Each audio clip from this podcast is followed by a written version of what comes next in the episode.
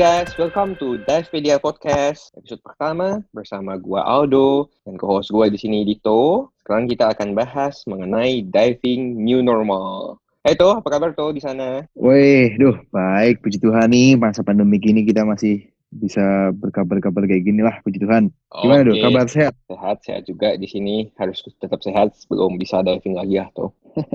gitu. Iya.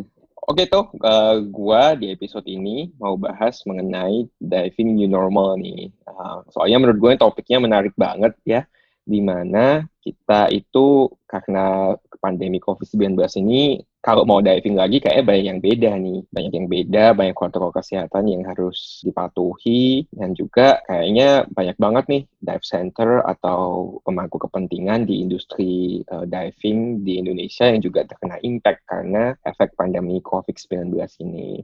Uh, menurut lu gimana? Lu ada pandangan atau beberapa info insider nih dari network lu soal efek COVID ini ke industri diving di Indonesia? Iya nih, wah selama COVID ini udah jalan dari bulan Maret ya, itu banyak banget trip-trip yang dimundurin. Pertamanya kan mereka reschedule karena dari bulan Maret tuh biasanya mulai berakhirnya musim baca 4, lalu mau masuk ke musimnya Labuan Bajo. Itu orang udah pada booking-booking dari lama, banyak di reschedule tuh sampai di uh, kuartal 3 tahun ini. Tapi info yang gue dapet dari kuartal 3 tahun ini pun juga banyak yang mundur lagi tuh sampai tahun depan. Ada yang di refund, ada yang mereka tidak boleh refund tapi dapat keluasaan buat mundur jadwal, ada Iya, iya. yang memang nggak berani buat berangkat. Banyak banget info yang gue dapetin dan itu jadi tamparan keras buat kita supaya bisa meningkatkan pariwisata diving ini dengan cara new normal gitu do. Iya, ya. Gua juga mendapat beberapa info ya dari internet sama dari network gua. Kalau yang gua baca kayak di Labuan Bajo itu ada beberapa kapal yang sengaja ditenggelamkan karena ya again kan karena PSBB dan juga karena uh, travel restriction dari pemerintah. Orang kan juga jadi takut ya traveling ke Labuan Bajo ya. Jadi uh, ada beberapa owner kapal di Labuan Bajo yang sengaja menenggelamkan kapal supaya kayak nggak bengkak operasional cost-nya karena kan kapalnya juga maintenance cost-nya tinggi kan itu. Jadinya ya udah karena economic impact dari COVID ini mereka jadi sepi, nggak ada pelanggan yang buat LOB ataupun mengunjungi pulau-pulau cantik itu di Labuan Bajo. Jadi mereka menenggelamkan kapalnya. Sedih banget sih itu. Iya, ada juga cerita dari temen gue yang punya kapal juga yang biasanya buat LOB, stay-nya di Ambon karena rutenya dia dari NTT, Maluku, dan Raja Empat. Tapi karena pandemi ini, mereka akhirnya harus memutuskan buat kapalnya dipulangkan ke Jakarta dulu untuk cari pariwisata lokal di Jakarta sekedar kapalnya dibuat untuk foto-foto atau sekarang ada improvement dari yang punya kapal itu mereka bisa ada experience buat makan di atas kapal sambil sunset wow. itu juga jadi okay. itu jadi satu inovasi terobosan juga buat pebisnis bisnis buat muter otaknya supaya operational cost paling nggak nutup tuh Ya, supaya Dan ada teman ya. gue juga, ya supaya survive. Kalau enggak akan berat sekali sih buat mereka. Dan juga teman gue yang dia guide di Tulamben itu udah tiga bulan dia cerita begitu sedihnya karena nggak ada tamu sama sekali nggak ada tamu. Di mana guide-guide itu lambe mata pencahariannya kebanyakan memang dari guide atau orang warga lokalnya dia bantu dive tour untuk angkat tangki, nyiapin alat, bawa alat gitu. Tapi jadi kosong nihil sama sekali nggak ada penghasilan. Hmm, hmm, sedih, sedih banget sih itu. Ya, well, emang pandemi ini juga mengubah banyak kebiasaan dalam hidup kita, tak ada kecuali adalah dunia diving ini nih. Tapi ya toh ya, sebetulnya kalau we are trying to look into the brighter side ya, sebetulnya ada juga kan sisi positifnya buat biota laut atau ekosistem laut secara keseluruhan ya kalau waktu itu gue lihat nih waktu awal-awal PSBB di mana lumba-lumba itu bisa main ke Venice karena airnya bersih banget dan juga uh, orang kan pasti commercial fishing juga stopping tuh. Gue lihat di salah satu YouTube channel favorit gue, uh, Adam Stern atau Adam Freediver, di mana dia sempat free dive di Panglao di Filipina tuh ikan tuh banyak banget karena nggak uh, ada yang fishing di sana. Dan I think kita bisa bilang bahwa pandemi ini juga kemarin waktu PSBB terutama kasih alam itu waktu buat recover, waktu buat kembali seperti sedia kala. Jadinya ya itu menurut gue sisi positifnya sih. Gimana menurut lu? Betul, gue setuju. Tadi lu coba sebutin untuk sisi positifnya. Gue coba sebutin untuk dari sisi negatifnya. Karena ternyata kita melihat masa pandemik ini dari dua sisi, tuh. Dari sisi negatif yang gue lihat, itu sekarang kan kalau kita keluar-keluar ke mana-mana kan dihimbau sama pemerintah salah satu protokol kesehatannya adalah menggunakan masker ya. Nah banyak orang yang masih membuang masker itu dengan sembarangan. Kita tahu masker itu kalau sudah masuk ke laut dibuang sembarangan itu kan tidak bisa terurai. Selama ini beberapa kali gue lihat di sosial media itu banyak banget orang lagi beach cleaning ternyata malah menemukan masker-masker yang dibuang sembarangan. Ini jadi efek negatif untuk biota laut kita akan ya. menjadi yeah. sampah yang tidak bisa terurai, dikira makanan oleh penyu, dikira makanan oleh manta, itu yang tugas kita juga salah satunya untuk mengedukasi masyarakat agar tidak membuang maskernya sembarangan. Ya, gue setuju. Kalau kemarin itu gue lihat tuh ada di salah satu Instagram kalau nggak salah at ID kalau nggak salah ya uh, guys. Itu mereka juga saya concern ya karena mereka kan Instagram yang istilahnya mengedukasi soal gimana sih kita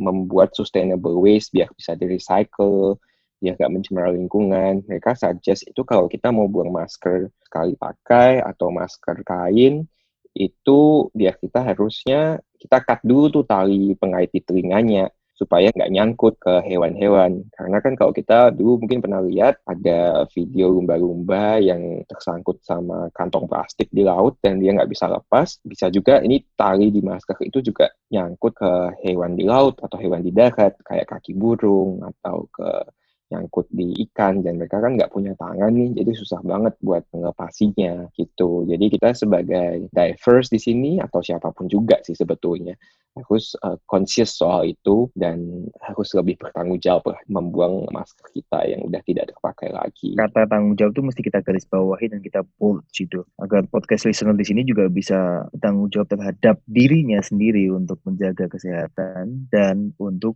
laut kita atau ekosistem yang ada di dalamnya. Nah, kita udah melewati masa pandemik ini mungkin kurang lebih ada lima bulan kali ya, Maret, April, Mei, Juni, Juli, Agustus. Oh, udah enam bulan bahkan tuh.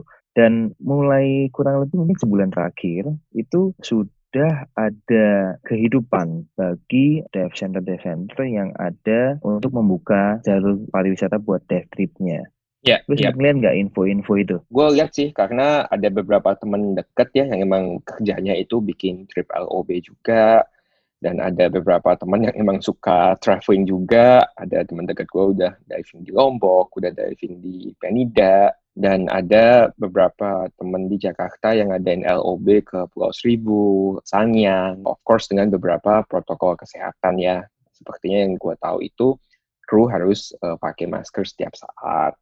Terus pesertanya pun juga harus melakukan uh, rapid test sebelumnya. Terus ada social distancing juga buat briefingnya. Tapi kalau buat LOB sih sepertinya kan uh, tidur juga harus berdua tuh dan nggak bisa bersatu juga kan karena keterbatasan space. Jadinya ya I think it's uh, apa ya good progress buat dari dive center sendiri menerapkan protokol-protokol kesehatan agar uh, diver-diver yang berpariwisata dan berpartisipasi di dive-nya juga merasa lebih aman dan nyaman lah ya gitu sih tuh. Ya kalau untuk LOB beberapa kali gue lihat di sosial media beberapa kapal teman gue mereka udah pada mengkampanyekan new normal dive. Jadi yang pertama itu isi kapasitas divers hmm. itu hmm. dikurangin mungkin uh, sampai 50% atau 75% maksimum capacity buat di kapal agar untuk tetap stay menjaga supaya physical distancing ya di situ.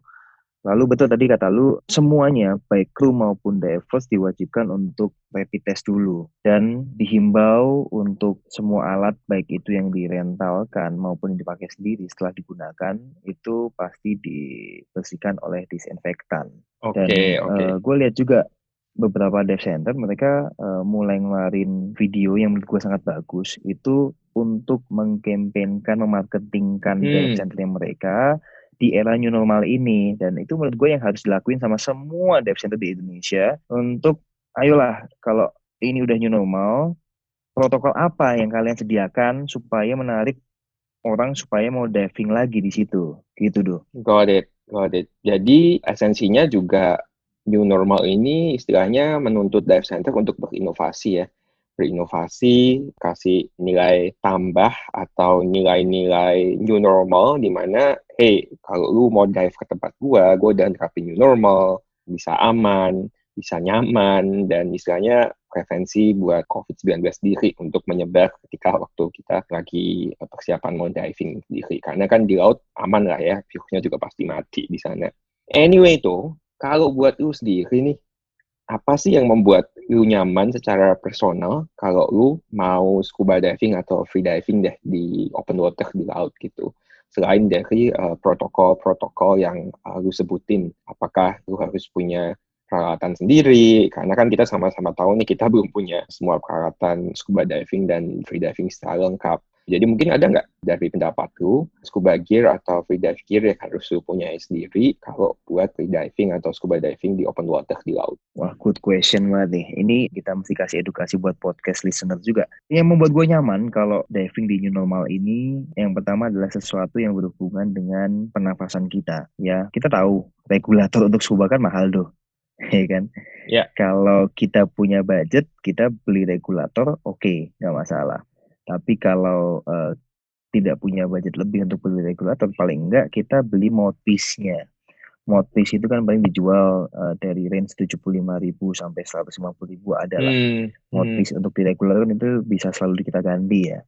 Hmm. Lalu yang kedua kalau podcast listener biasa menggunakan snorkel itu bisa beli sendiri. Snorkel itu juga nggak terlalu mahal lah. Banyak banget range-nya yang murah sampai yang mahal pun juga ada. Begitu pula untuk free dive kita ya paling nggak ada snorkel sendiri lah. Jadi supaya kita juga minta tadi dulu kita bertanggung jawab sama diri kita dan bertanggung jawab dengan lingkungan kita. Kalau lu uh, penting nggak sih kita beli regulator sendiri deh buat scuba diving nih? Penting nggak penting ya, karena kan istilahnya ada orang yang istilahnya mau travel buat uh, diving, mau scuba nih for example, itu mau like travel aja, jadi nggak suka bawa banyak barang, nggak suka bawa banyak dive gear, tapi ada juga yang emang diver yang suka dengan peralatan tertentu, sehingga mereka membeli peralatannya sendiri, dan karena nyaman banget pakai, let's say, regulator itu, dan ya udah, tapi kan kadang kalau membawa peralatan-peralatan itu nggak bisa like pack uh, travel kan, karena harus pakai bagasi, dan harus nunggu bagasi juga di airport, jadinya ya plus minus sih kalau gue sih lebih yang like travel ya. Karena buat gue scuba itu peralatannya sama aja dan bisa di rent di dive center di mana gue mau dive di site tersebut. Itu kalau dari sisi gue tapi sih kalau dengan covid ini gue consider untuk mempunyai at least mouthpiece sendiri sih. Karena seperti kata lu kan ya mouthpiece cukup valuable ya dari sisi money cuma dari tujuh puluh lima ribu ya ya udah nggak ada salahnya dengan uh, membawa mouthpiece sendiri gitu beda dengan mouthpiece sama snorkel kali ya at least karena gue juga udah ada snorkel ya kalau buat uh, free dive sih kebanyakan emang uh, free diver bawa peralatannya sendiri ya karena kan untuk fin, mask dan snorkelnya emang harus nyaman banget supaya divingnya bisa di uh, lama dan nyaman. Itu sih dari gue sih. Tapi buat scuba gue akan consider untuk membeli mouthpiece dan of course menggunakan uh, mask dan uh, snorkel gue sendiri. Itu situ dari gue. Tapi untuk podcast listener juga, kalau kita ya berdua dulu ya, kita kan intensitas divingnya mungkin tidak sering. Kalau nggak sering itu, kalau kita rent alat saja, itu masih value for money lah. Tapi bagi podcast listener yang intensitas divingnya sering, mungkin kita bisa himbau untuk membeli peralatan daripada menyewa. Karena kalau nyewa itu kan juga kalau kita divingnya tiap bulan gitu kan juga nyewa lumayan costly juga itu ya. Iya, iya, nah, setuju sih. Kayak kemarin gue uh, ada juga orang yang ngetek gue salah satu center di Bali, dia cerita dengan masuk di era new normal gini, memang sudah ada turis yang datang buat diving, tapi belum sebanyak itu. Kita bisa akui juga orang mungkin masih was-was untuk keluar dan untuk traveling, tapi dive center dive center di Bali, khususnya di Tulamben, Nusa Penida dan di Padang Bay, itu mereka sudah berbondong-bondong untuk menggembenkan new normal normal dive dengan berbagai macam cara. Mereka meyakinkan bahwa setiap alat yang digunakan atau yang dirental itu pasti sudah steril disinfektan, Hmm. Lalu setiap kru di sana dua minggu sekali mereka ngundang perawat atau puskesmas untuk rapid test dan jarak duduk di kapal itu dibatasin kayak gitu. Iya, iya. Oke, bagus banget ya. Kalau buat lu sendiri itu lu nyaman nggak maksudnya dengan kan tadi kita udah bilang tuh uh, dive center juga ada protokol, kita juga ada preferensi sendiri mengenai diving new normal ini. Tapi apakah dengan semua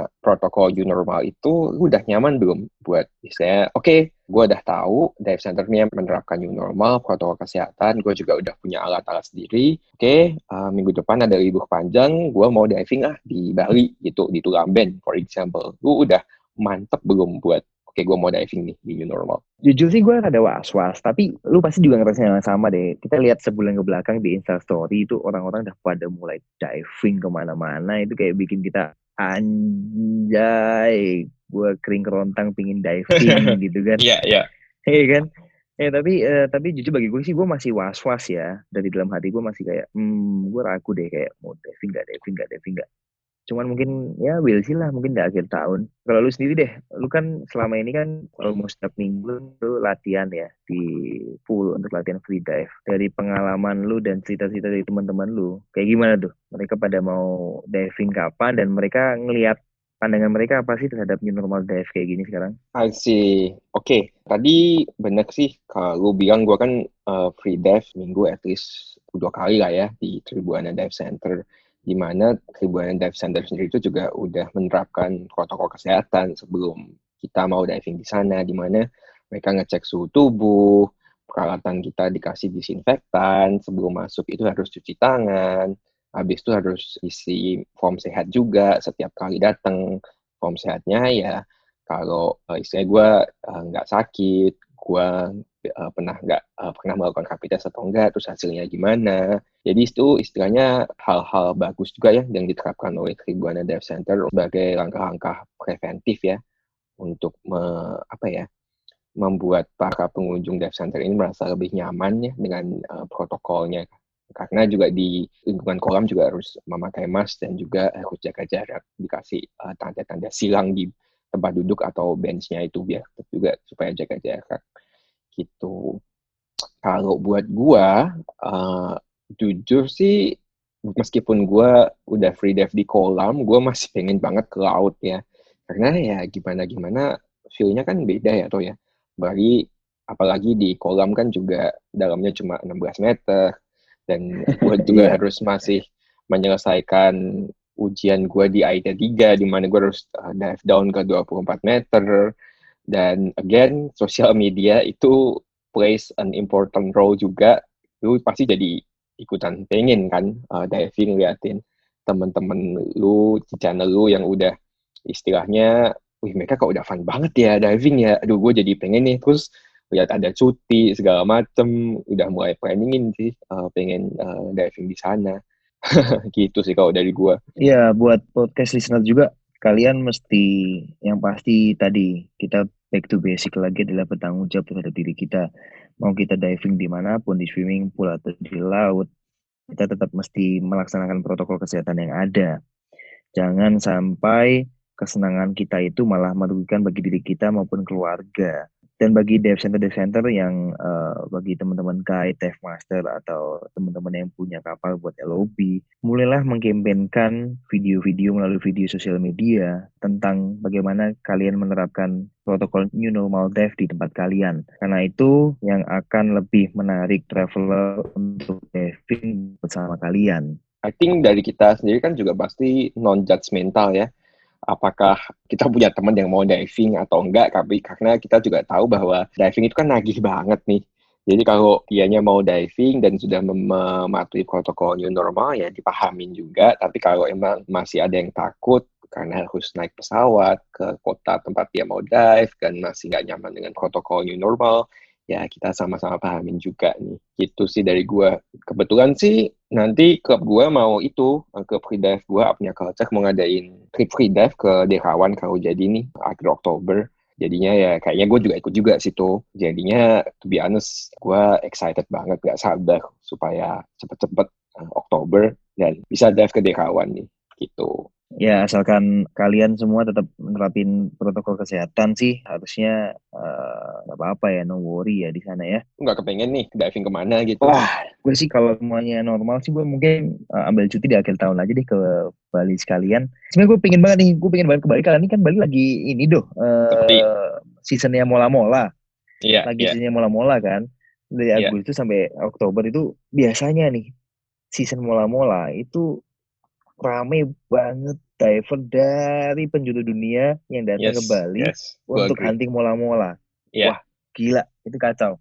Lu udah lu sempat lihat mola-mola di dulu di berapa itu ya? Dalam berapa ya? Dulu 40 meter sih dan itu kebetulan tahun lalu ya sebelum kita dive trip ke Banda sama Ambon tuh itu juga rame banget sih gue setuju. Itu dalam satu hari bisa 10 kapal kali itu dalam beberapa dive sites itu. Rame banget. Emang sih.